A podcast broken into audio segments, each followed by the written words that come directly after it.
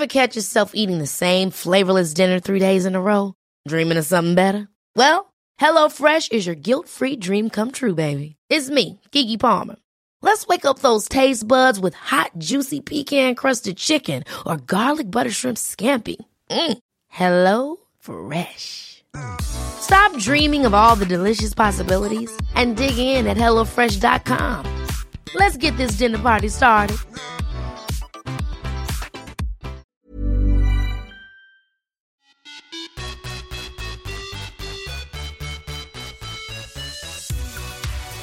Nu så dyker vi in i avsnitt 49 i podden Viss och Svärm on the run. Och jag som pratar heter Josefin Svärm och på andra sidan sitter Sara Viss. Och förra veckan så pratade vi om eh, hypotyreos eh, väldigt mycket. Och eh, jag vill börja med att säga att jag är så tacksam över all fin respons som jag personligen fick eh, efter avsnittet. Och även podden fick ju fin respons på att vi hade tagit upp det här. Eh, det var hög igenkänning från många eh, på olika sätt. Vissa hade samma sjukdom. Vissa hade liknande sjukdomar eller problem i alla fall med trötthet och liknande som kunde känna igen sig där vi pratade om. Så att jag är väldigt glad över den responsen vi fick. Har du fått höra någonting Sara? Ja absolut. Jag kunde se också på min Instagram och då var det inte ens, det var det inte jag, det var ju du och Hanna som berättade om era ja. upplevelser men det var många som skrev på min också. Bara så här, Ja men att de var så här glada att vi tog upp det och att många kände igen sig. Vissa var så här, kände sig typ så här gråtfärdiga för de kanske mm. du vet, mitt, är mitt i det. Mm. Eh, och så, så att, och även har jag haft ganska, alltså både så PT-kunder och andra som har lyssnat som inte har det. Mm. Som tyckte att det var jätteintressant. Och lite där som vi sa att det är så lätt att se utifrån på personer och bara gud jag hade aldrig kunnat tro att mm. hon är så eller att alltså du och Hanna. Mm. Eh, så det var många som tycker jag blev så här oj vad, det här var intressant liksom att man fick nästan en lite en ny bild fast på ett positivt sätt att ja. förstå att man kan, en person som ser ut att alltid flyga fram kanske också kämpar på sitt sätt. Ja, ändå. precis. Och det här är så här, det, det, det, var ju ganska utlämnande och det är ju alltid när man pratar om sådana saker som är problem för en själv och kanske någonting negativt eh, för sig själv så. Så jag var ju så här väldigt rädd innan för att liksom eller jag är alltid där, rädd för att prata om sådana saker som är personliga, som är jobbiga eh, och tänker att andra människor tycker att det är ointressant att lyssna på. Men det kanske är precis tvärtom. Att att våga visa sig svag eh, gör att människor liksom förstår mer och relaterar mera och tycker att man blir kanske lite mer intressant. Men jag, jag är rädd för det alltid innan jag ska lämna ut mig på det sättet som jag gjorde och som Hanna gjorde i, i, i förra avsnittet. Um, mm. Men det var väldigt skönt också att prata med Hanna som hade samma eh, sjukdom som jag eh, och som kämpar mot energilösheten ibland och kunna ventilera med henne var jätteskönt för mig och en bearbetning för mig eh, kunde jag uppleva. Och eh, alltså, nej, det var väldigt skönt. Och jag känner lite att man på något vis accepterar sig själv kanske och sin problematik ännu mer av att eh, få prata med någon som verkligen förstår och sen så var ju Hanna en väldigt, väldigt fin människa. Jag har ju aldrig pratat med henne förut. Mm. Men vilken fin syster du har. Jag måste ju säga det. Vi pratade ju typ en halvtimme minst tror jag efter vi la på förra veckan.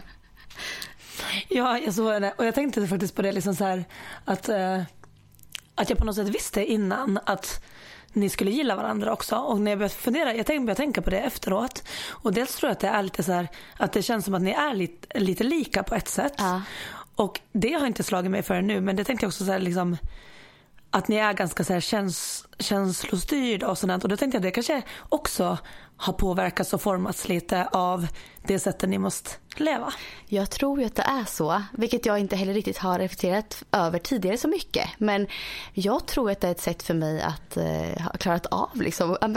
Men man, liksom, man blir mer känslostyrd och man måste, ja. man måste styra vardagen och träningen mer utifrån hur man känner sig. Vilket jag förstår mer och mer nu att det beror ju säkert på det, det problemet som jag har haft nu i många år med hypotyreosen.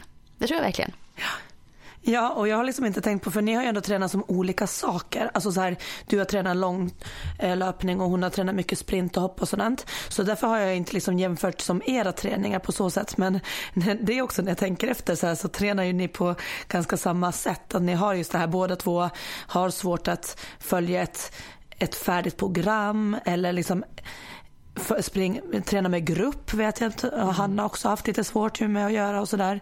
Och det är också sådana, jag tänker det speglar sig säkert också lite i samma grund. Mm. Eh, så på så sätt tänkte jag också att där är ni också rätt lika men att det kanske, även om ni tränar olika saker så kanske det också grundar sig lite i att, att det är på grund av sköldkörteln och er energi. Mm. Ja men absolut, jag, jag tror verkligen det. Det har varit väldigt intressant. Ja det blev det. Ja, nej men nog om oss då. Men jag vill ju höra lite hur det här med dig Sara, för du är gravid i vilken vecka? Uh, 32 när det här släpps. Uh. Jag har sett, jag har sett bilder på din, ja, jag har sett bilder på din växande mage och bara så här, men det liksom närmar sig ju. Ja, Ja, men alltså det går så snabbt. Och sen tycker jag verkligen så här när jag, när jag typ tränar på film och sånt här. Alltså jag tycker inte ens att magen gör sig rättvis för att där, du vet jag är fortfarande lite aktiverad. Mm. Men du vet den här känslan, gravidkänslan på kvällen. Mm. Alltså den där när man känner som att man håller på att spricker typ. Mm. När man är trött och mätt. och, och den är typ aldrig riktigt helt fångad på bild på något sätt. Så jag känner mig verkligen så här, jag har verkligen börjat känna mig så här hög gravid och jag vet att många bara, men gud du är så smidig och det är så här. Och där till mitt försvar är det lite så här att när jag tränar, alltså just under träningspasset, det är nästan då när jag känner mig som minst klumpig. Vilket jag förstår att det låter jättekonstigt. Men det är som att där är det så här, jag vet min position, jag vet mm. aktivering, det är raka strikta rörelser, det är kontrollerat. Så att om jag ska göra alla övningar, det sitter i ryggmärgen och där skapar jag ofta plats för magen naturligt. Mm. Men sen sån här min vardag, alltså det var att lyfta saker upp och ner ur båten, konka på Rasmus, matkassar, ta på sig strumpor och skor. Alltså där, det är jobbigt.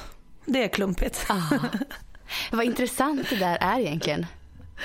Ja men jag tänker för de blir ju inte heller lika så här, men förstår du, så här eh, strukturerade nej. rörelser. Och du kom, här, nej jag, precis. Jag lyfter ju inte upp någonting från golvet hemma precis så som jag gör ett marklyft i gymmet.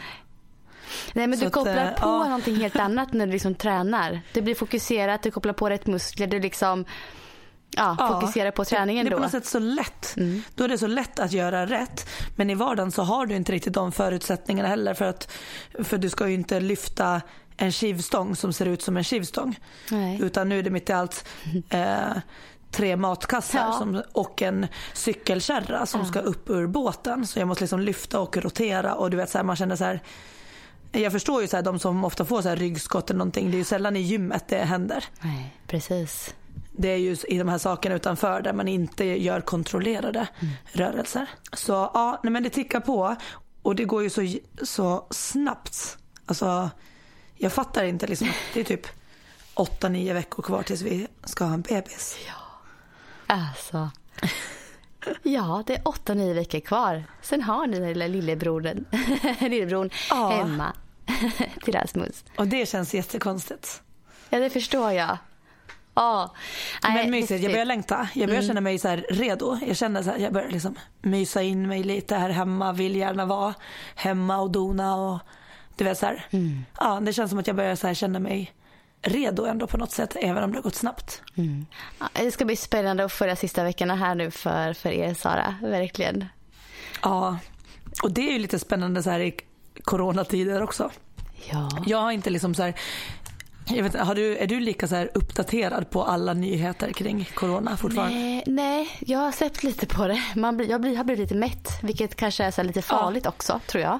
Exakt, jag tänker det är både bra och dåligt. Det är lite så skönt att slippa att hela tiden uppdatera sig. Mm. Men det kan också vara så att jag måste liksom verkligen skärpa mig och så bara påminna mig att tvätta händerna direkt jag kommer hem och till jobb. Alltså så att det blir, mm. för tre veckor sedan så behövde inte jag påminna mig om det, det gick på automatik. Nu är det så här, just det, tvätta händerna.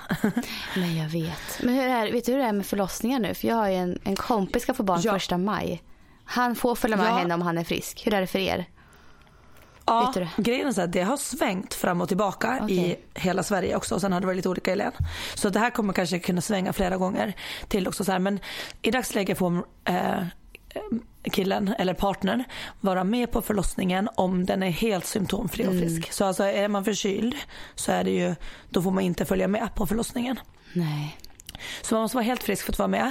Men sen när barnet är fött eh, så då är det bara mamman som får stanna kvar på BB. Mm. Så att eh, eh, där är det ju väldigt att det är, i stort sett är det liksom ganska direkt efter. Hur, hur känns det för eh, dig om de här, de här, de där håller i sig till ni ska få barn? Eh, jag tror att det kommer hålla i sig. Eh, och jag, nu är jag lite glad ändå att det är andra barnet. Ja. Eh, för jag tror att jag hade varit mer nervös över det och blivit snuvad på den mm. tiden på BB tillsammans om det hade varit första. Mm. Så att jag, jag, tycker, jag förstår det, jag har full förståelse för det blir ju ändå så dubbelt så många personer som de behöver möta där om alla har med en partner. Mm. Så det, jag, det är liksom, ja det är fine. Och jag tror att mår jag och bebis bra så kommer vi också vilja komma hem ganska snabbt i och med att vi nu också har Rasmus hemma och sådär. Ja, precis. Till skillnad från första när man bara kanske ville vara kvar i bubblan mm. ett tag. Mm. Men det som har oroat som, som just, det är typ det egentligen det enda som verkligen har så oroat mig med coronan. Och det har ju varit så här, det där med att, dels det här med att om, om Lasse då skulle vara förkyld, att han inte får följa med. Så att jag ska ha liksom en plan B med en annan person som följer med. Mm. Eh, och jag har ju inte familj i Stockholm eller sådär heller. Så att jag har ju verkligen fått så här, hmm, tänka vem är det som jag skulle kunna tänka mig att ha med. Ah, kommer du tänka någon kompis eh, Och sen då, är plan C. Ja precis. Ah. Så nu har jag faktiskt pratat med en kompis och hon blev jätteglad. Och så ah. jag bara okej okay, men hon, hon skulle, jag skulle funka med henne mentalt. Ah, skönt. Mm. typ så ja. Eh, och sen plan C är ju att man ska förbereda sig på att göra det själv. Ja, också. Precis. Men, och det är också så här, okej okay, det känns fine nu också. Eh, det som de har ändrat från två, tre gånger fram och tillbaka det är ju där, de har ju börjat testa alla mammor som kommer in för corona. Mm. Och det tror jag att det är mycket för att skydda läkare och narkosläkare och sådant också så att de liksom ska veta om, om någon är eh, smittad. Och då har det varit så att om man har varit positiv så var det ett tag som de har separerat på mamman och barn i två veckor. Men gud. Och den, den vill man inte ha. Det, var det, nej, det har varit det enda som har varit. För jag tänker om jag är smittad positiv då är det ganska hög chans att Lasse också är det. Ja. Vilket innebär ju att ingen av oss skulle vara med bebisen eh, första två veckorna. Och det känner jag så här, det här, alltså när jag tänker på så här förlossningsdepression, ja. alltså stress kring närhet, amning, allt det här. Mm. Då fick jag så här bara, åh herregud det här får det här vill jag inte vara med om. Men den just har de tagit tillbaka, men den har varit två gånger. Att det har varit. Och sen har de tagit tillbaka det. Och just nu är det tillbakadraget. Men jag tror att det är väl så att det är ju något spädbarn i världen, inte i Sverige, mm. som har äh, gått bort. Och så har jag förstått att det var så att Sverige absolut inte har velat ha den statistiken att det är ett spädbarn som går bort. Nej. Eh, och därför gjorde man den här då. Mm. Men varje gång den har kommit, den eh, regeln, så har den bara, det har bara tagit några dagar innan de har bytt tillbaka. Så att just nu så är det man vårdas tillsammans, mamma och bebis, men blir på en specialavdelning i så fall och blir liksom isolerade där. Och det är ju bättre, men alltså ja. det är väl egentligen det som jag säger, åh gud. Ja, mardrömsscenariet. Ja. ja, jag förstår. Så, men som sagt, det är ju ändå som sagt näst, typ två månader kvar Mm. Eh, så att det hinner väl ändra och förhoppningsvis också stabiliseras lite här. Mm, precis. Ja, man får tänka positivt och hoppas på att eh, det ska kännas okej den dagen som det gäller för er. Men det gör ja. det säkert. Det blir säkert jättebra. Ja, och man har ju också hunnit landa lite nu i hela den här situationen mm. och förstår allvaret och man vet att framförallt Sverige gör alltid liksom det bästa de kan för alla personer. Liksom. Mm. Så att jag vet att besluten som tas det är ju också alltså både mitt, bebisens och liksom samhällets bästa. Mm. Så man får ju bara acceptera det. Ja, man får acceptera och lita på att det är det bästa ändå i nuläget. Ja. Men du Sara, ska vi dyka in från det till dagens ämnen? Tänkte jag. Ja. Uh, ja. Vi har ju letat runt lite i Runners World här igen. eh, mm -hmm. Det finns ju väldigt mycket intressanta och bra artiklar där har jag insett. Och eh, mm. en som jag fastnade för det är en krönika som jag hittade eh, som träffade mig väldigt rätt. Den är skriven av Johan Renström och rubriken till den krönikan lyder så här. Eh, det bästa mätinstrumentet är du. Och redan här så kände jag att jag fångades in i krönikan för jag förstod direkt att det här handlar ju någonting som jag står mycket för gällande min egen träning och också faktiskt hur jag tycker att andra kanske borde träna lite mer eh, ibland. Ehm, och underrubriken vill jag också läsa upp här till krönikan eh, låter så här. Löparklockor i all ära. Den som vet mest om din form är du. Om du bara lär dig lita på din kropps signaler så kommer du få de mest precisa svaren. Det finns nämligen inget som slår din hjärna. Um, och jag tror ju att väldigt många skulle lära sig väldigt mycket av att träna mer på det här sättet. Uh, träna mer utan klocka. Eh, och kanske träna lite mer ibland efter ett utsatt program. Eh, jag tror ju att vi ibland tränar fast vi kanske är lite krassliga. Eh, om vi tränar för mycket efter siffror och efter eh, program. Och att vi blir besvikna om vi inte springer de intervallerna som eh, vi tänkte från början. Att vi kanske, vi kanske diffar på 10 sekunder per kilometer eh, saktare än vad vi tänkte från början. Och då blir vi lite så här, ah vad tråkigt, vad dålig jag är. För klockan sa att jag var lite långsam idag. Um, och det är ju så att vi människor vi har ju mindre bra dagar. Uh, och vi har ett liv utanför träningen som uh, påverkar våra träningsresultat mer än vad vi kanske tror. Så att jag tror att om vi skulle lägga från oss klockan oftare och våga lita mer på vår egna känsla och kroppens signaler så är jag övertygad om att vi skulle få ett, kanske ett lyft i träning till och med och kanske utvecklas kanske ännu mer faktiskt. Vad känner mm. du när du hör det här Sara? Nej, men jag tycker det låter på något sätt så självklart mm. när man hör det. Sen förstår jag ju också att det är svårt för många för att det här med att se siffror och och det, det kan ju också driva en motivation och lite så att man känner att man har kontroll. Men mm. det är mm. som du säger, jag tror att det är viktigt framförallt för många Alltså, det beror lite på vilken personlighet man är tänker jag. Absolut. Men jag tror att det absolut skulle vara bra att testa sig. Att liksom säga, okej okay, kan jag lita på, på kroppen och känslan? Mm. Uh, absolut tror jag att det är viktigt att ha testat det i alla fall. Ja, och jag, eftersom att jag har mina problem som jag har med trötthet och energibrist ibland, allt det här vi pratade om förra avsnittet och lite nu här i början, så har ju det här varit ett sätt för mig att träna eh, på känsla. Och det har ju funkat eh, väldigt bra eh, utvecklingsmässigt också mm. för min del. Och men det jag tror det är att många kanske tänker att oj, men hur ska jag då lägga upp mina pass? Och få, för att få den effekten som jag önskar. Alltså hur snabbt ska jag springa på mina långpass? och på intervallerna utan att ha en löparklocka till hjälp. Och det tänkte jag att reda ut lite här också. Ehm, jag personligen, jag gillar ju att använda borgskalan. Eh, och det gör jag framför mm. allt. Jag gör inte det för mycket för min egen del så jättemycket för jag har lite, jag vet ungefär eh, anställningsnivån i huvudet så men när jag coachar eh, människor eh, och har gjort det eh, några år tillbaka så har jag använt borgskalan ganska mycket. Jag tycker den är väldigt bra. Det är ju en skala som går från 6 till 20 Eh, egentligen där man bedömer hur ansträngande aktiviteten, löpningen då i det här fallet, hur ansträngande den är. Och eh, 6 till 9 på borgskalan, det är mycket lätt. Det är som att gå. Um, och 10 till 12 på borgskalan, det är lätt ansträngande. Här kan, det här är lugn jogg. Här joggar du långsamt, du kan prata hela tiden när du springer. Och nivå 13 till 14, den är ganska ansträngande.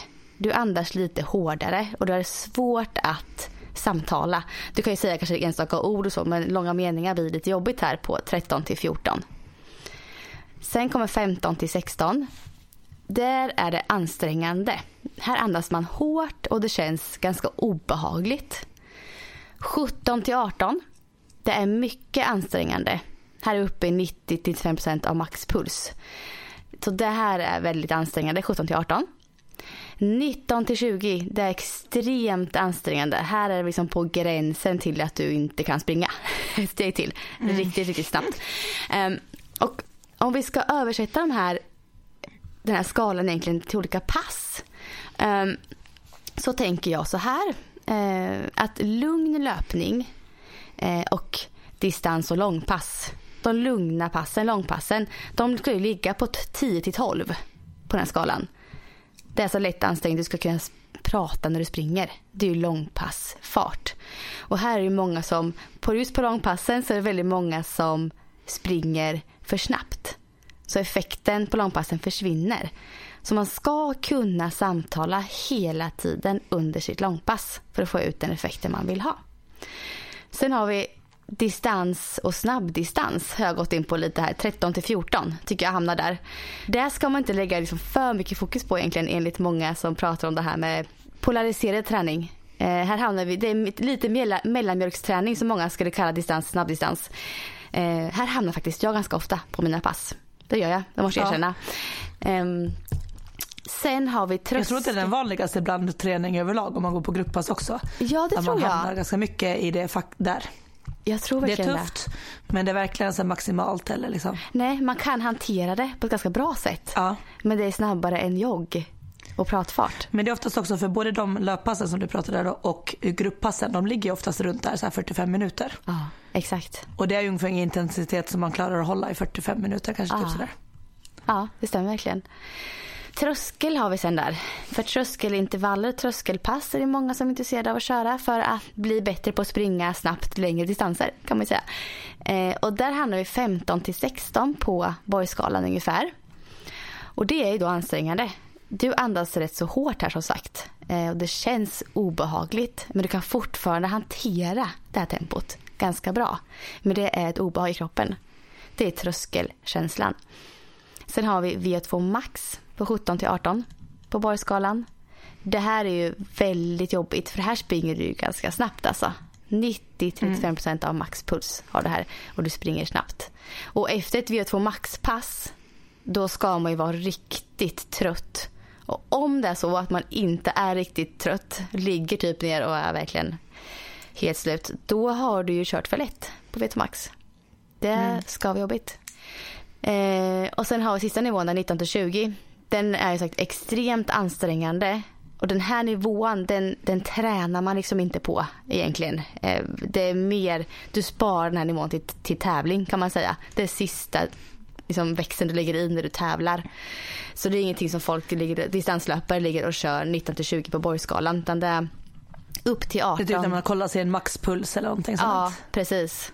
Det är verkligen eh, max max där. Så så kan man tänka lite. Man kan dela upp det lite så. Tänka vad är det jag ska köra för någonting? Har jag mara framför mig? Ja, då blir nyckelpassen långpassen. Och tröskare kanske. De två kan man fokusera på inför ett maraton. Och då kan man kolla Borgskalan. Okej, hur ska mina långpass kännas? Hur ska min tröskel kännas? Eh, och sen lösa sin träning på ett ganska bra sätt utan att ha sin pulsklocka eh, faktiskt med sig.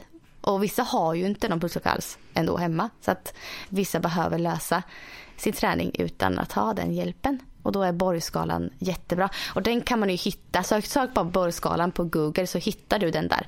Så kan man bara lägga upp sin träning lite utifrån den om man behöver hjälp.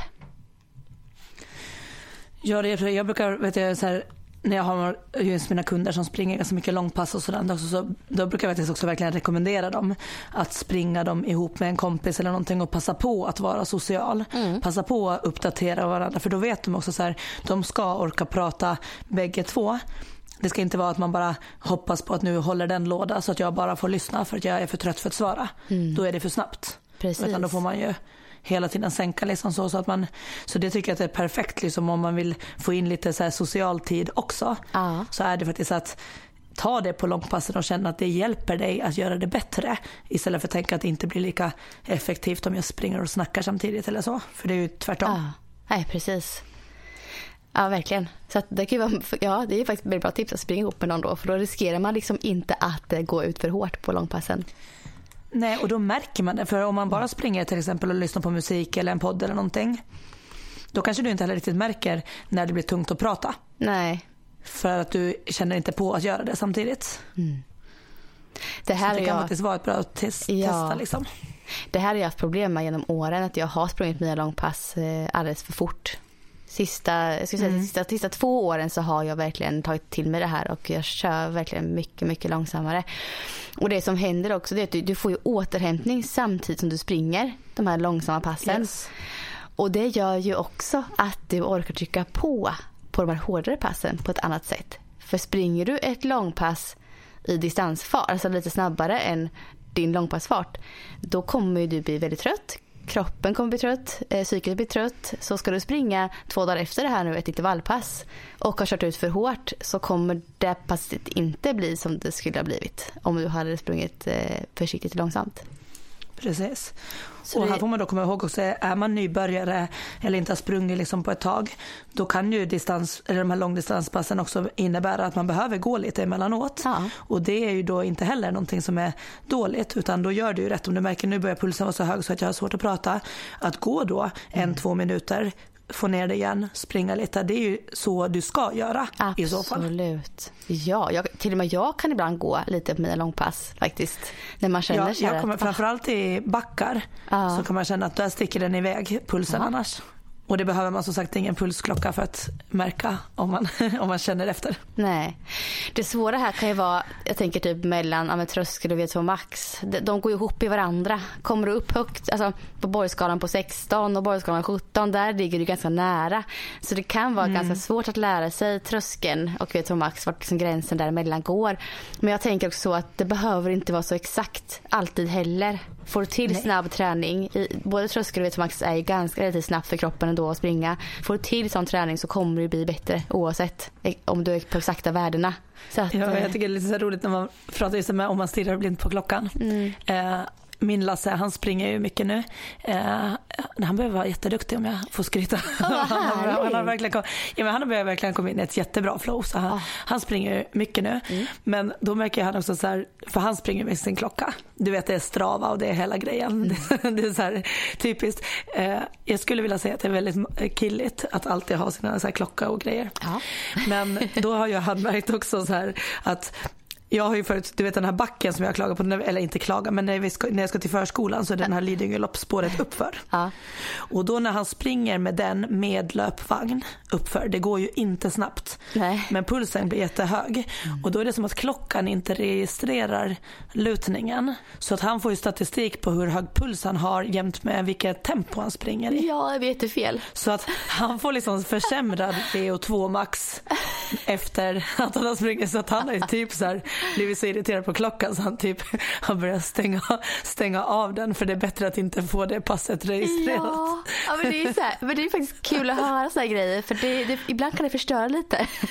Vad har den Ja, här för sen klockan? får han liksom så att, ja för sen springer han intervaller typ två dagar efter och då är det så här, då stiger hans V- VO2 max liksom där man får så olika poäng eller Ja, grader. Värde liksom. Då ökar Mm. den flera hack vilket den inte ska göra så bara på ett pass men det är liksom för att det visar så dåligt på de där Ja. andra.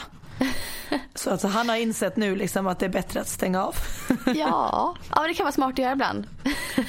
Ja men där säger, då säger man mycket med, med teknik och inte stirra blint på Nej. program och sådär. För det är inte så att han blir sämre av att springa de här passen till förskolan med löpvagn. Det är jättetunga pass. Ja. Alltså, de, men de tar ju också bara kanske en kvart. Men det är ju inte så att han skulle bli sämre för det. Även om klockan visar att just då så visar det att han får en sämre VO2 max. Nej, snarare Så det är tvärtom. ju verkligen det här med att, Ja, och att lita på liksom sin egen känsla och träning och inte stirra blint på program och pulsklockor. Det, de är inte alltid så smarta. Nej men jag tyckte att det här var så ett, ett ämne som var viktigt att ta upp och det har jag pratat om förr i podden men jag kände att det här träffade mig så himla bra. Jag tyckte han skrev den här krönikan så himla intressant. Så om någon vill läsa Mm. den här i Runners World så finns den på sida 24 det exemplaret som kom ut i början på eh, april. Och du har ju också kollat upp ett ämne som du tyckte var lite intressant här. Ja, eller jag tänkte så att jag ska springa vidare lite på det. Du var ju inne förra avsnittet och pratade lite om det här med sprintträning. Att det kan vara bra för, för alla, både för motionärer men också för liksom maratonlöpare och så. Och, eh, så jag tänkte egentligen bara så här ta det vidare för att och tänka så här, men hur, om man nu vill träna sprint, hur, hur gör man?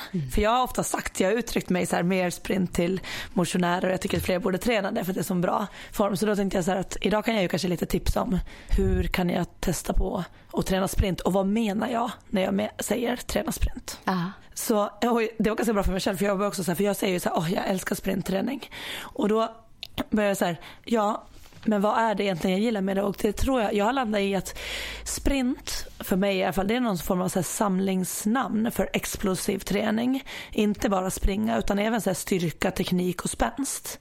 Så det är egentligen en känsla av att träna sig snabb och spänstig. Varför jag sen gillar sprintlöpningen är att det gör det ändå enkelt, precis som löpning. Alltså har du ett par bra skor och liksom, det är ganska lätt och tillgängligt att träna. Eh, det är inte så som dyrt och svårt om man säger så. Så att när jag säger sprint, då menar jag liksom så här, ja, en helhet, en atletisk grund. För det kräver ganska mycket. För att kunna sprinta och springa snabbt så kräver det också att du har en viss grundkondition, du har en viss grundstyrka, du har stabilitet, du har rörlighet. Allt det blir ganska tydligt att behöver vävas in i träningen för att kunna sprinta, springa snabbt. Känner du igen det här? Jag tänker du har ju kört friidrott och mm. det, friidrottsgrundträningen är ju ganska lika oavsett eh, vilken löp eller hoppgren man håller på med. Mm. Jo, alltså jag känner ju absolut igen det här. Det är en helt annan träning än att gå ut och bara springa som jag gör just nu. Alltså sprintträningen, mm. jag kan ju minnas den träningen som att den var det var hård på ett annat sätt. Det var mer styrka som du säger. Det var mer teknikinslag och mer liksom löpskolning och drills och sånt var det väldigt mycket. Och spänst som du säger också, rörlighet på ett helt annat sätt än vad jag upplever att man kör som distanslöpare.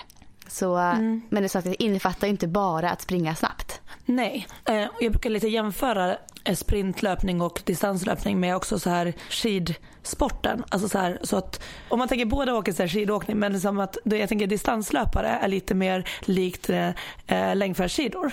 Mm. Och sen så har vi sprinterna som kanske kör lite mer störtloppsslalom, eh, kanske mer snowboard, alltså mer de här som är Precis nerför. Det är kort snabbt men där krävs det också en an, helt annan typ av träning än de som tränar för längdåkning. Mm. Men båda håller på med skidor. Så det är lite så att så här, sprintlöpning och löpning det är ju samma eh, sport men det är väldigt olika i, kanske i hur man tränar.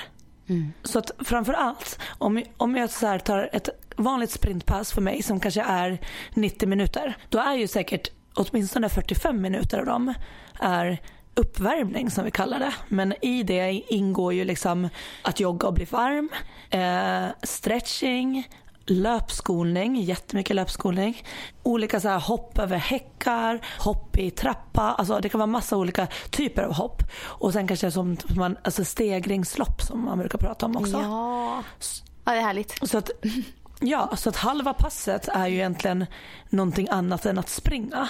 Mm. Så att nej, man får ju inte mycket distans och så här om man nu skulle prata om klockor som vi gjorde tidigare. Man får ju inte mycket så här att man har samlat ihop mycket distans under ett pass. Däremot kan jag ha väldigt mycket steg för att man jobbar mycket snabb frekvens och löpskolning och de här och så. Så det är ingen för någon som vill samla mycket distans. Men man får ut så mycket mer i form av så här explosivitet, styrketräning och rörlighet än när man bara joggar. Det blir så mycket mer kvalitet i passen. Mm. Ja, men jag ska också säga det att det blir lite, lite mer, jag skulle säga att sprinten ändå är lite mer kanske så här, atletisk i mm. form av att man jobbar med flera sidor. Eh, likadant som jag kan känna typ när jag håller på med crossfit så kände jag mig faktiskt ännu mer atletisk än jag känner mig som sprinter. För sprinten är fortfarande mycket smalare än mm. när man typ tränar crossfit på en lite högre nivå. Så det är liksom så olika hur, vad man liksom riktar in sig på. Men sprintlöpning upplever jag ändå att det är lite liksom bredare mot en allmän eh, idrott atletiskt. Köper du det? Eller, ja. eller är jag för att jag höjer sprinten för mycket nu? Nej men det tror jag absolut. Alltså jag blir också så här, när du pratar om sprint nu så blir jag jättesugen på att köra sprint själv. Ja. Jag vill bara springa nu. Och typ ett stegringslopp och allt det här, koordinationslopp och... Ja. Oh, jag blir så sugen. Och jag har ju sett dig lägga ut nu nyligen. Och det är så här, jag tycker det är så roligt att se de filmerna för att det du lägger ut där det är ju också så här, vissa eh, distanslöpare kör ju också mycket sånt men mm. man ser inte lika mycket. Och det är så roligt att man, det syns så väl att du har en friidrottsbakgrund. För du hittar verkligen in i de här rytmerna och man ser att det där har du nött, inte bara en och två gånger. Nej, och jag har liksom börjat så här sista tiden fått upp det här igen bara jag vill köra mer. Alltså som sådana små häck, häcklöpningar och grejer. Häck, eh, ja. ja. Massa koordination så i det. Är jag så sugen på att göra nu. Och ja, alltså jag har det ju jag har det i mig sen tidigare. Men jag har inte kört sådana små häckar på typ 25 år kanske. 20 år i alla fall. Ja. eh, nästan. Så att, eh, men det, det, det, finns ju där sen man var liten och körde nötte. Ja, men för då tänkte jag så här, just att om man vill börja så här, liksom förbereda kroppen för sprint. För precis som många tänker så här, ah, men jag ska börja sprinta och så ska jag börja sprinta. Men det, man får tänka lite samma sak så här. Man säger inte så här, ah, jag ska börja springa maraton och så försöker jag springa ett maraton. Alltså det är precis samma sätt som vi mm. bygger upp till en långdistans. Så bygger du dig som att du kan springa snabbare och snabbare och snabbare och kortare. Men det är svårt att förstå för att alla kan ju springa sitt snabbaste vilken dag som helst. Men det kommer inte vara hållbart i längden och framförallt så är skaderisken är extremt hög om man börjar göra så. Så det man måste förstå med sprintträning här också är att precis som vi bygger upp löpning för distans behöver vi bygga upp kroppen för att förbereda sig på sprint. Så det jag skulle börja med för att bara så här komma igång lite och det här kan man då göra faktiskt om man, jag tänker att det här är nu för personer som är ganska löpvana. Mm. Så att man är, man springer redan men man kanske inte har sprintat så mycket. Man kanske har styrketränat en del men inte så, inte så tunga vikter kanske. Och det är att börja sätta in lite plyo kallar man det. Det är också ett samlingsnamn för spänstövningar. Och det kan man göra på uppvärmningen när man har värmt upp lite grann. Och plyo, då kan man tänka liksom att det, vi vill träna upp lite så att musklerna ska kännas som ett lite som ett gummiband, lite som en studsboll. Att man får till den här fjonget, både i liksom vrister och fotleder men det är också för vader och bål och höft och så. Eh, och det kan vara till exempel men hoppa över så här häckar eh, och det behöver inte vara höga till en början, det kan vara små häckar. Eh, vristhopp, vadhopp när man hoppar med nästan raka ben, lite som när man hoppar hopprep. Mm. Eh, grodhopp. Eh, också så mångsteg som jag vet att du har visat i backe på de filmer. Ja, just det. Eh, men just den här känslan att vi behöver trycka ifrån explosivt och verkligen försöka ta oss högt upp, långt fram på varje steg så att det inte blir det här rullande mjuka utan faktiskt våga ta i med kraft. Så att egentligen vill man få ut så mycket kraft som möjligt på en kort eh, tid på marken. Eh, så till exempel om du hoppar liksom häckhopp så då vill du hoppa du vill ju kunna börja hoppa så högt som möjligt men fortfarande med en kort markkontakt. Precis. Hänger du med hur jag menar? Ja, absolut. Och det kan man ju liksom börja träna på. Och har man inte häckar, nej men hoppa lite i en trappa. Mm och försöka känna så här, kan jag hoppa höga hopp? Man kan ju prova att hoppa liksom flera eh, trappsteg så man kanske kommer ganska långt fram, hoppat över tre, fyra trappsteg. Men man kan också prova att hoppa liksom höga hopp och tänka att jag ska försöka få så mycket tid i luften som möjligt och kort kontakttid när jag landar i trappan. Och sen kan jag försöka få det här hänget som man pratar typ i basket, du vet att man får ett häng i luften. Ja. Och så kort kontakttid upp, upp, upp och liksom den känslan i rytmen. Mm.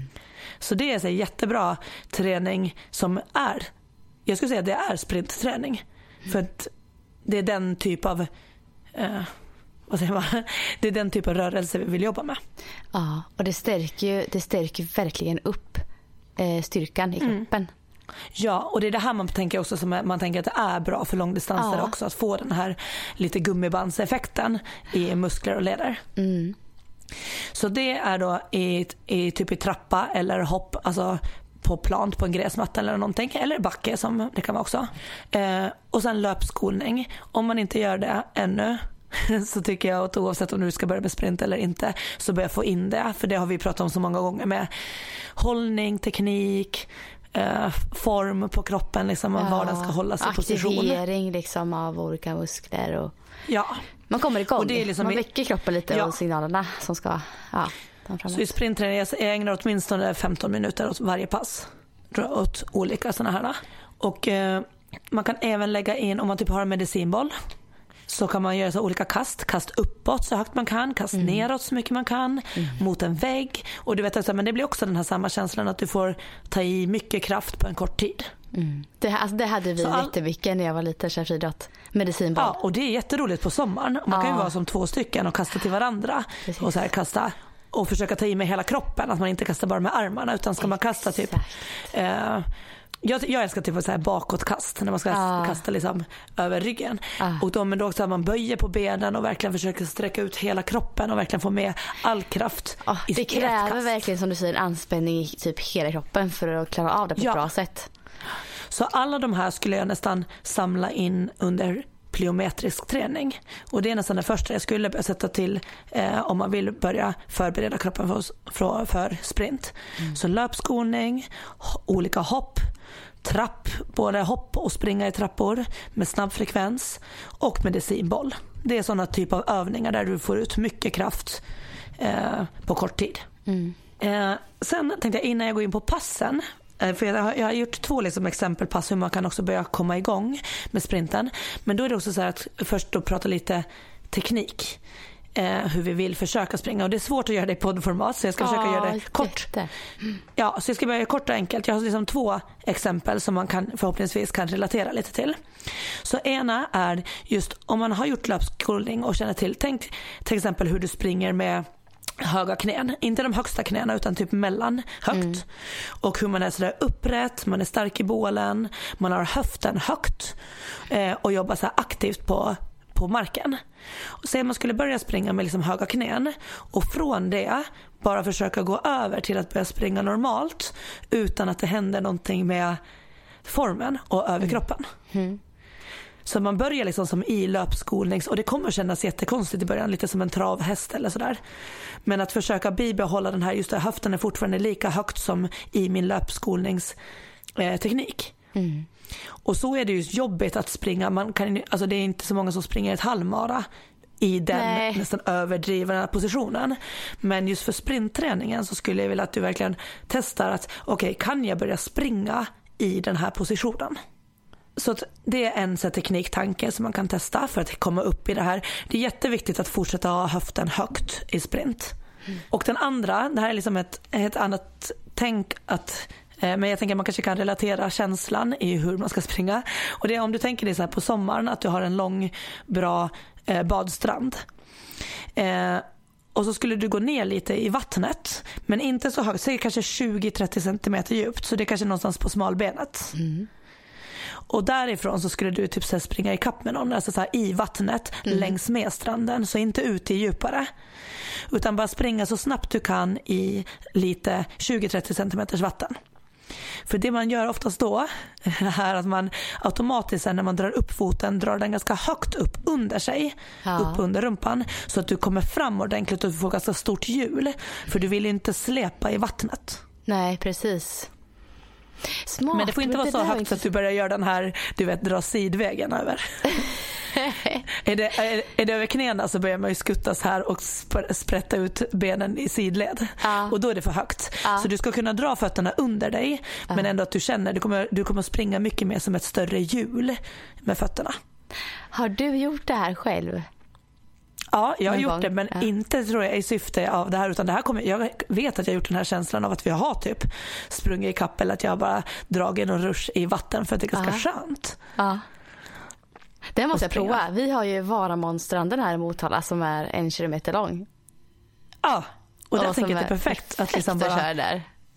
Ska jag testa. Så det tycker jag man ska testa. Eh, var försiktig bara att det liksom är, att det, så att det är jämnt botten så att det mm. inte är mm. massa gropar och sånt. Men att testa på att dra på ganska mycket då. Mm. Eh, så där kan man nog spränga typ alltså 80-90% för det kommer ändå inte gå fullt så snabbt när man springer på sandbotten barfota. Men du kommer absolut känna på en sprintsteg, knä kommer bli lite mer spetsigt mm. och det kommer vara liksom lite högre kliv. Och det är också så här, så orkar man ju inte springa långdistans men det ska du ju inte heller för det är det som är poängen. Du ska ju ta dig fram så snabbt som möjligt. Mm. Och i distans då är du kanske sällan uppe med foten så högt upp under rumpan liksom. Nej, precis. Men så då har jag tänkt, då har jag två tekniktips. Löpskolningstekniken eller den här spring i vatten tekniken. Men förhoppningsvis så får man en känsla som man nu då ska kunna bibehålla och sträva efter i passen som jag tänkte tipsa om. Åh, få höra. Ja, och det ena är lite likt det som du gjorde med att du avslutade ju ditt löppass med 8 gånger 50 Ja, precis. Eh, så det är lite samma upplägg men nu kommer du inte få springa distans innan. Mm. Utan tänka liksom så här, jag värmer upp, 10 minuter jogging, jag stretchar, mycket så här baksida, höfter, eh, hoppar lite, kanske i en trappa. Har man ingen trappa, bara hoppa lite i grodhopp, hoppa lite spänsthopp.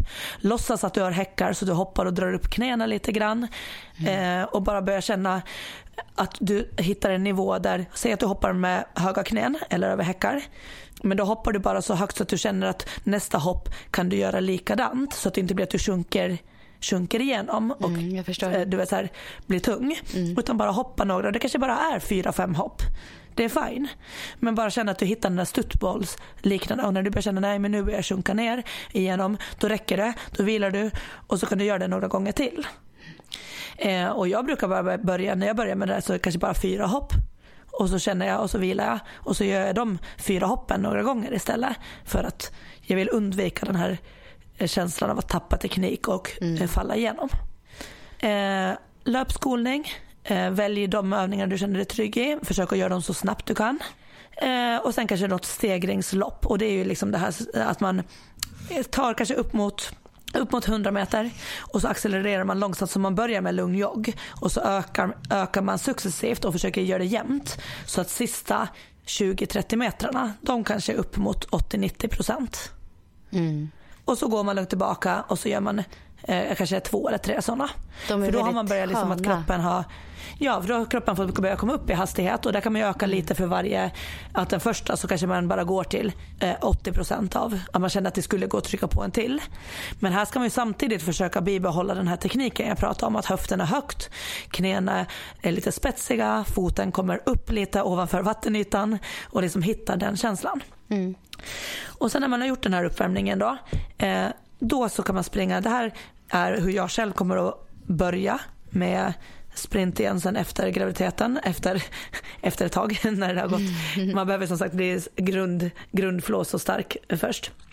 Men då är det, det kallas tempolopp och det är inte så jättelångt ifrån eh, sådana intervaller som en distanslöpare kanske kör idag om den har korta intervaller. Så att man kan välja ut ungefär 60 till 100 meter och så ska man springa den sträckan, inte så snabbt man kan, utan så snabbt du kan bibehålla det här snygga steget mm. och utan att få det som mjölksyra. Så det kommer fortfarande gå antagligen snabbare än vad du har gjort på dina korta intervaller. För det är ju som sagt bara 60-100 meter. Mm. Men sen ska du kunna gå tillbaka lugnt och upprepa det åtminstone tre gånger i rad. Och jag skulle här faktiskt gärna köra med en klocka och nu pratar jag inte en sån här pulsklocka med massa funktioner utan ett stoppur. Ja. Och se, kan jag försöka springa dem jämnt? Ungefär på samma tid så att inte första går mycket snabbare än sista. I och med att det här är ingen kondition eller uthållighet på så utan det handlar ju mer om att blir du trött så kommer du tappa din teknik och då kommer du inte att springa lika snabbt heller. Det är väldigt bra om man kör ett sånt pass senare sen likadant sen så vet man att okej, okay, sist gick ut för hårt. Då kanske ska börja lite långsammare Exakt. och så ha lite koll liksom på vart man ligger. Ja, för här skulle jag kunna säga till exempel att du ska göra två, jag brukar skriva så här, två gånger tre gånger tre. Och det betyder ju att man gör tre intervaller och sen vilar man lite längre. Mm. Och så gör man tre intervaller, vilar lite längre Nej, och sen är man klar. Två gånger tre gånger tre. Så, så, så tre stycken i rad. Vila lite längre och så gör man tre till. Du bara går och vila tillbaka och då ska du vara liksom så här det, det, här blir jättebra konditionsträning också och löpstyrka. Mm. Men också teknik och att börja komma in i det här steget. Eh, och sen när du har lite seriepaus då efter, efter du gjort tre, då kan du gå och vila och, och sen stå ytterligare två minuter kanske. Mm. och sen upprepa det. Och det här är så, ja det blir ganska mycket vila men det är ju för att du på sikt ska kunna springa lite lite snabbare på alla och mm. orka bibehålla samma teknik och samma fina form på alla intervaller. Ja, precis. Så det här kallas liksom som tempolopp. Och du behöver tänka att du ska springa snabbt men avslappnat. Du vill inte spänna dig. Utan hela tiden hitta liksom bra rytm, spetsiga knän, höften upp och bara tänka sig att jag ska springa så snyggt som möjligt, så snabbt som möjligt. Det här, det här är ju liksom mer ansträngande än vad många tror, gissar jag på. Det här är ganska ja. jobbigt att hålla upp kroppen på det här sättet som man gör i sprintträningen om man jämför med att springa vanligt. Ja, för också om man ser vanliga som bara så här, oh, jag ska springa så snabbt jag kan. Då är det oftast inte så tekniskt alls. Nej. Man sätter nästan benen bakom sig, nästan benen på ryggen. Mm. Den som att bara lutar framåt och bara kutar. Mm. Medan här vill vi få, få ha det här höften högt och, mm. och det här höga cykelhjulet under sig med foten. Ja. Så att knäna kommer framåt. För varje rörelse du gör vill du ta dig framåt. Du vill inte flaxas åt sidan, du vill inte hamna bakom kroppen. Du vill ju att var allting, all kraft du sätter, sätter in i rörelsen tar dig fram. Mm. Absolut, och det, är det, här, det blir så påtagligt här och det är där man kan nyttja också väldigt bra i distansträningen sen. Det handlar om att driva framåt i steget, vilket man kan lära sig ja. mycket av i sprinten tänker jag.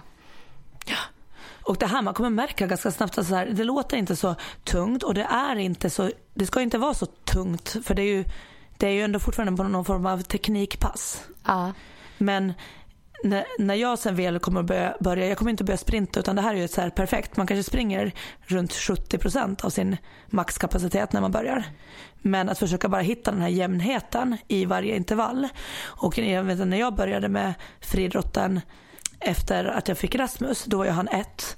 Och då var det typ den här typen av pass jag körde två, två, tre gånger i veckan. Två gånger i veckan. Och det gjorde jag kanske i fyra veckor. Mm. Så det är ändå ganska många pass som är just den här typen av alltså tempopass. Åtta pass kanske. Men däremot märkte jag att jag kunde springa dem lite snabbare för varje gång. Eller att jag kanske la till tre till. Eh, att jag tog en till sån här serievila och så gjorde jag tre, ett block till. Mm. Men att hela tiden att den där jämnheten fanns i dem. Att de såg likadana ut från början, början till slut. Just det. Så det är ett tempolopp. Eh, och sen ett annat som är ganska roligt. Eh, eh, och det är lite tuffare. Och det, det är en typ av fartlek. Men den kallas in, ins and out. Har du hört det? Nej, det har vi inte gjort. Ins and out, sa du Ins and out. För att i sprintträning, så man brukar säga här, vi har liksom så här, en accelerationfas, alltså det är ju när startskottet går så accelererar vi ju. Sen efter det så kommer en fas som vi brukar kalla så drive. Det är ju liksom när man går över från accelerationen, där är man ju framåtlutad, till att du ska komma upp till den här positionen som jag pratar om. Att man ska vara upprätt, höften högt, men fortfarande försöka liksom komma upp i ett bra löpsteg och lite längre steg kanske än vad du gör här i accelerationen. Mm. Och sen kommer maxhastigheten. Och den varar ju typ bara i två, tre sekunder. Ja. och sen blir det sprintuthållighet. Ja. För ser man även på de bästa löparna, alltså världens bästa sprintrar, de har ungefär sin maxhastighet ungefär 20 meter. De kör nästan 60 meter just där acceleration och drive. Mm. Och sen har de 20 meter där ungefär där de håller sin maxhastighet. Och sen är det sprintuthållighet. Man, det syns inte så mycket på tv. Det, är så här, men det ser ut som att de ökar hela vägen in men de tappar fart eh, sista det är ja. inte mycket, men man tappar fart på slutet. Så ibland när det ser ut att någon verkligen drar ifrån, då är det oftast att den personen inte tappar lika mycket. Och då är det så här ins and outs, då ska vi leka med det här med acceleration. Så om du tar dig, jag skulle ta mig till en friidrottsbana för att jag tycker om att vara i den miljön. Men det går bra på en platt asfalt eller vad som helst. Så mäter man ut 100 meter ungefär. Och så sätter man koner eller någon annan markering. Ungefär första eh, 10-20 meter från starten. Och mellan den första, här kommer du att accelerera när du kör din, eh, din intervall. Mm. Så du kommer accelerera ungefär 10-20 meter. Sen sätter du upp en sko 20 meter bort igen och där ska du försöka hålla det här i snyggt. Då ska du komma upp, vara upprätt och springa i den tempo du har kommit upp och hålla det 20 meter. Mm. Sen sätter vi en till sko eller markering, kon, 20 meter bort till. Och mellan dem så ska du slappna av, inte bromsa. Så du ska inte börja som, sätta i foten och bromsa. Men bara slappna av och bara rulla. Låta det, det kommer automatiskt gå lite långsammare men bara mm. rulla igenom. Och sen ska du sätta in 20 meter acceleration igen. Och 20 meter ja, direkt efter alltså. håll. Exakt. Ah, så okay. på 100 mm. meter så gör du, kan man säga att du gör som två accelerationer. Mm. Just det. Så det blir 100 meter totalt om man kör 20. 20 meter acceleration, 20 meter håll snyggt och då håller du farten eh, där så högt du kommer upp i på, de här, mm. accelerationen. Sen slappnar du av lite 20 meter, sen accelererar du 20 meter och så håller du 20 meter in i mål. Mm. Så det kallas ja. ins and outs när man liksom trycker på, släpper upp, trycker på och sen är man i mål. De här är rätt tyngre för det som oftast är tyngst det är att accelerera. Ja. Och det är så stor del av sprinten är acceleration. Mm. Och varför jag tycker de här är bra också för nybörjare eller för liksom att komma, i, eh, komma igång med det är att de flesta skador som sker det är när man är uppe i maxhastighet. Och här kommer du inte riktigt upp helt i maxhastighet för du har 20 meter plus 20, du har 40 meter innan du ska släpp, släppa efter. Och det ska vara tydligt att första de här är 20 meter acceleration. Så märker du så här, men jag kan komma upp i, direkt i min maxhastighet på 5 meter. Då eh, kanske du behöver lite mer smyga på den så att du inte är där. Så att du tänker när du passerar första konen, mm. då först ska du vara uppe i den här i ett tempo som är högt men du ska ändå orka hålla det 20 meter till. Ja just det. Och igen tekniskt snyggt. Så om jag kör det här med liksom på något event eller med motionärer då är det ju fortfarande att, att jag vill ju se de här spetsiga knäna, höften högt när de gör det här. Mm. Så man får ju inte bara tänka att det är någon spring i kapplek och bara kuta på för att oftast så går det inte snabbast heller i längden. Nej, så de här är rätt roliga tycker jag ja. att testa på. Så 100 meter, ja. 20 meter, 20, 20. Så man bara markerar var 20 så vet man. Och tänker det är två accelerationer med en ja. liten rullning på mitten. Och så går man tillbaka och känner efter, behöver jag vila lite till för jag ska vara fräsch? Då gör jag det, annars kör jag igen. Och så kör man några stycken. Och jag, jag tänker inte säga hur många man ska göra utan man bara känner liksom så här, ja. Eh, för här gäller det att du leker med din teknik och eh, känns det som att du kan göra 50 sådana här med bra teknik, då måste du istället lära dig att accelerera mera och jobba mer på att trycka i. Och jag tänker så här att det är många nu som kanske är lite, loppen är inställda och allt det här framöver. Och det är kanske många som är så här, har tränat inför det här väldigt hårt och svårt att hitta liksom fokus nu och eh, nya idéer och hur man ska liksom hitta motivationen till träning. Då kan det vara kul att få in lite annat nytt kanske. Det här kan vara någonting, en extra touch för folk att få in i sin träning kanske. Lite sprintträning. Ja, och Jag som sagt det. känns det så här för stort hopp att börja göra ins and out eller de här. Mm. Men åtminstone hitta en trappa. Kör så snabbt som möjligt upp, upp i den. För den är också så här, där är också skaderisken låg för du kommer inte upp i en maxfrekvens som du gör i en löpning.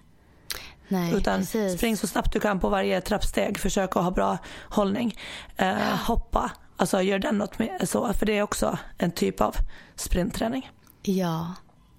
Och jag har ju, jag har ju lite ett favoritpass som är sprintfokuserat kan man säga.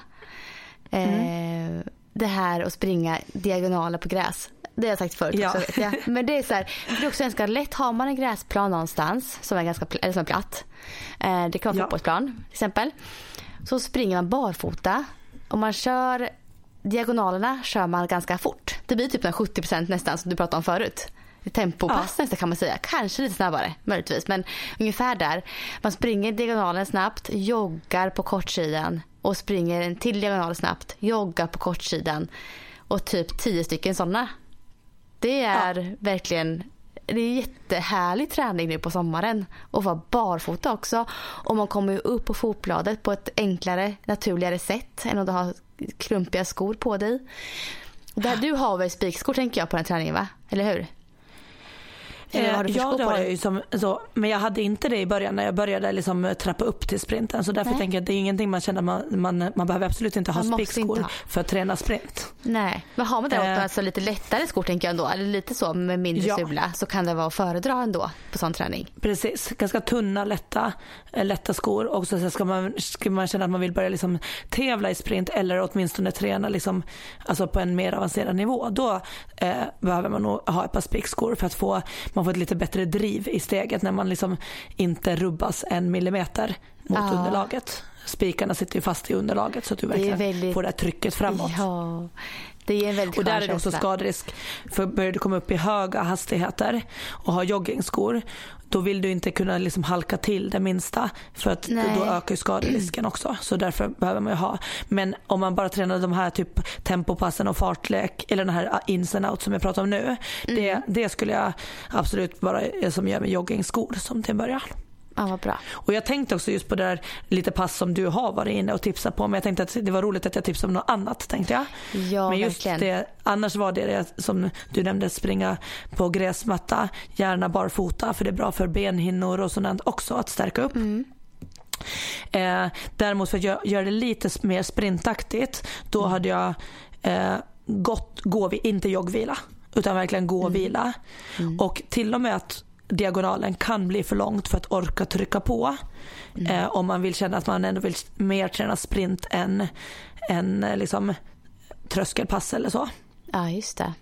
Så då hade till och med kanske bara sprungit på långsidan eller kanske kortsidan och Mm. gå långt tillbaka för att känna att då kan jag trycka på ännu mera. Ja, Men alltid känna när man kommer tillbaka att man inte är jättesliten.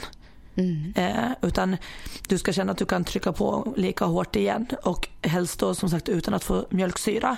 I så fall bara på de sista metrarna eller någonting. Alltså, det ska inte vara, du ska inte ha stumma ben när du tränar sprint. Så. Nej, precis. Ja, det här För blir lika skillnaden. snabbt. Ja, nej, Ja. precis. Där kan man leka sig lite fram också som du sa nu. Man kan ju faktiskt ändra diagonalerna och köra på kortsidan sprinten och de långa diagonalerna kör man gång eller jogga sakta. Ja, för det måste man tänka på vad syftet är också. För ibland har jag haft ju Precis. som så här eh, snabbhetsträning för fotbollsspelare eller någonting sånt att jag har varit med och kört, hjälpt dem in med någon lag. Ja. Och där kör man ju ofta mycket så här 30 meters ruscher och ganska tätt på. De får inte alls lång vila och kör så här. Eh, och det är ju egentligen bra för, för det är ofta så det ser ut på en fotbollsmatch. Du vill kunna upprepa en sprint flera Mm. gånger. Så att, och de blir ju snabbare av det men man måste tänka att de blir snabbare på att kunna springa 30 meter ofta. Mm. De blir Precis. inte snabbare på att springa en gång 100 meter maximalt. Men det kanske inte de behöver heller för de behöver inte göra 100 meters rush på en fotbollsplan. Och en match är 90 minuter så de behöver ju kunna bli snabba på att orka göra de här 30-40 metrarna ganska många gånger. Och därför får man ju träna på det. Men så där kanske man tränar mer liksom så här hur accelererar man eh, på ett bra sätt. Mm. Och hur får man löptekniken till att liksom få ut kraften i stegen. Men det är ju fortfarande att de ska ju bli duktiga på att göra det många gånger. Du kommer inte att bli bättre fotbollsspelare för att du kan springa en hundring jättesnabbt. Nej. Nej, klart. Allt handlar om syftet med träningen. Så, och eh, andra så här korta pass som jag bara nämner snabbt det är också som vi har sagt backträning. Det är ju också en form av sprintträning men det är alltså så också bra för alla löpare. Och där ska jag också köra sprint. Korta, snabba. Här kan du våga trycka på ganska mycket för igen skaderisken blir lägre när det går upp för för du kommer inte att komma upp i samma maxhastighet. Exakt. Så vill du prova att trycka på lite mer och nästan så här närma dig max, kör lite kör liksom uppförsbacke för där får du ta i. Eller som vi har gjort, gör mycket i försäsongen, det är att vi springer med en släde med vikt. För jag kan ta i maximalt, Ja. men den bromsar ju min fart. Jag kommer inte upp i samma hastighet. Och det gör ni på friidrottsbanorna? Eller? Det gör vi på friidrottsbanorna. Ja. Eh, och det kanske man kan hitta någon motsvarande någon däck på gräsmatta eller något, alltså bildäck eller något, ha någonting bakom. För där blir det också direkt du har någonting som bromsar dig. Du kommer ju inte att komma upp i samma maxhastighet. Nej. Och som, som jag sa tidigare, det är oftast maxhastigheten som de flesta skador sker i sprint. Vad tycker Så du om kan ändå få ta i. Ja, det är här fall, fallskärmar har jag sett också som är bakom som man Ja, har. Eller jag har provat dem när jag kör friidrott. Ja, det är samma Ja. Effekt kan man ju säga. Det bromsar in. liksom. Exakt, du kan springa allt vad du har men du kommer fortfarande inte att springa lika snabbt. Mm. Men då får du ändå känslan av att ta i fullt på stegen. Mm. Precis. Och sådana har jag sett. Det finns ju att köpa hos ganska många återförsäljare. Sådana här äh, fallskärmar. Ifall någon vill prova. Ja. Om man inte, om Man kan inte behöva nästan någon som hjälper till lite att få upp den när man ska springa iväg. I alla fall om man startar som Ja, just det. vi brukar ha, vi hade ju någon sån när vi sprang, sprang från startblock. Så då får ju någon stå lite bakom och hålla upp den så att den inte Mm. fastnar i blocken när man drar iväg. Ja. Och sen finns det ju såna här småhäckar om man skulle vilja ha det. Eh, det behövs ju inte som du sa i början så kan man ju köra hög knälyft och grejer ändå och låtsas att man har häckar nästan. Men om man vill ha sådana små häckar så finns ju det på ganska många ställen också. Jag köpte mina på XXL Sport till exempel. De röda jag hade Ja. i en video som jag la upp och sen så fanns det även på Biltema så jag. Det kan vara Ah. lite kul att ha sådana till sin träning för att det ska bli lite roligare. Ja, sånt är kul också om man är iväg och tränar till med barnen också. De brukar tycka att sånt är Ah. roligt. Ja, exakt. Ja, nej, men så då har vi fått lite tips på både träning eh, utan pulsklocka som du pratar mycket om. Precis. Hur man kan tänka. Mm. Borgskalan, jätteviktig eller bra redskap att utgå från. Liksom så här, att ha i, eh, i bakhuvudet. Eh, och sen lite konkreta sprintpass som man kan testa på. Ja. Och ja, gud, jag vill bara ut och springa nu. Jag känner likadant och framför allt vill jag springa kort och snabbt. Vad är det som händer? Ja, jag vet, och jag vill typ hoppa i trappor och, mm. ja, och när jag har sett dina de där filmerna på just, just det där som du har gjort, typ så olika löpskolor ja. och liksom hopp och där skulle jag bara det där är ju liksom sprint, det är den där typen av träning och framförallt när det är en så här solig gräsmatta. Ja, som eller... så jag bara, gud vad härligt. Sitter hemma höggravid och bara, ja. den tiden kommer sen igen för dig. Ja precis. Ja. ja men vi har snackat på ganska länge här nu ser jag. Ja. Så vi kanske ska avbryta den här dagens poddavsnitt. ja. ja. Så uh, hörs vi igen nästa vecka. Det gör vi. Ha, ha det, det så bra. bra nu. Hej då. Hej då.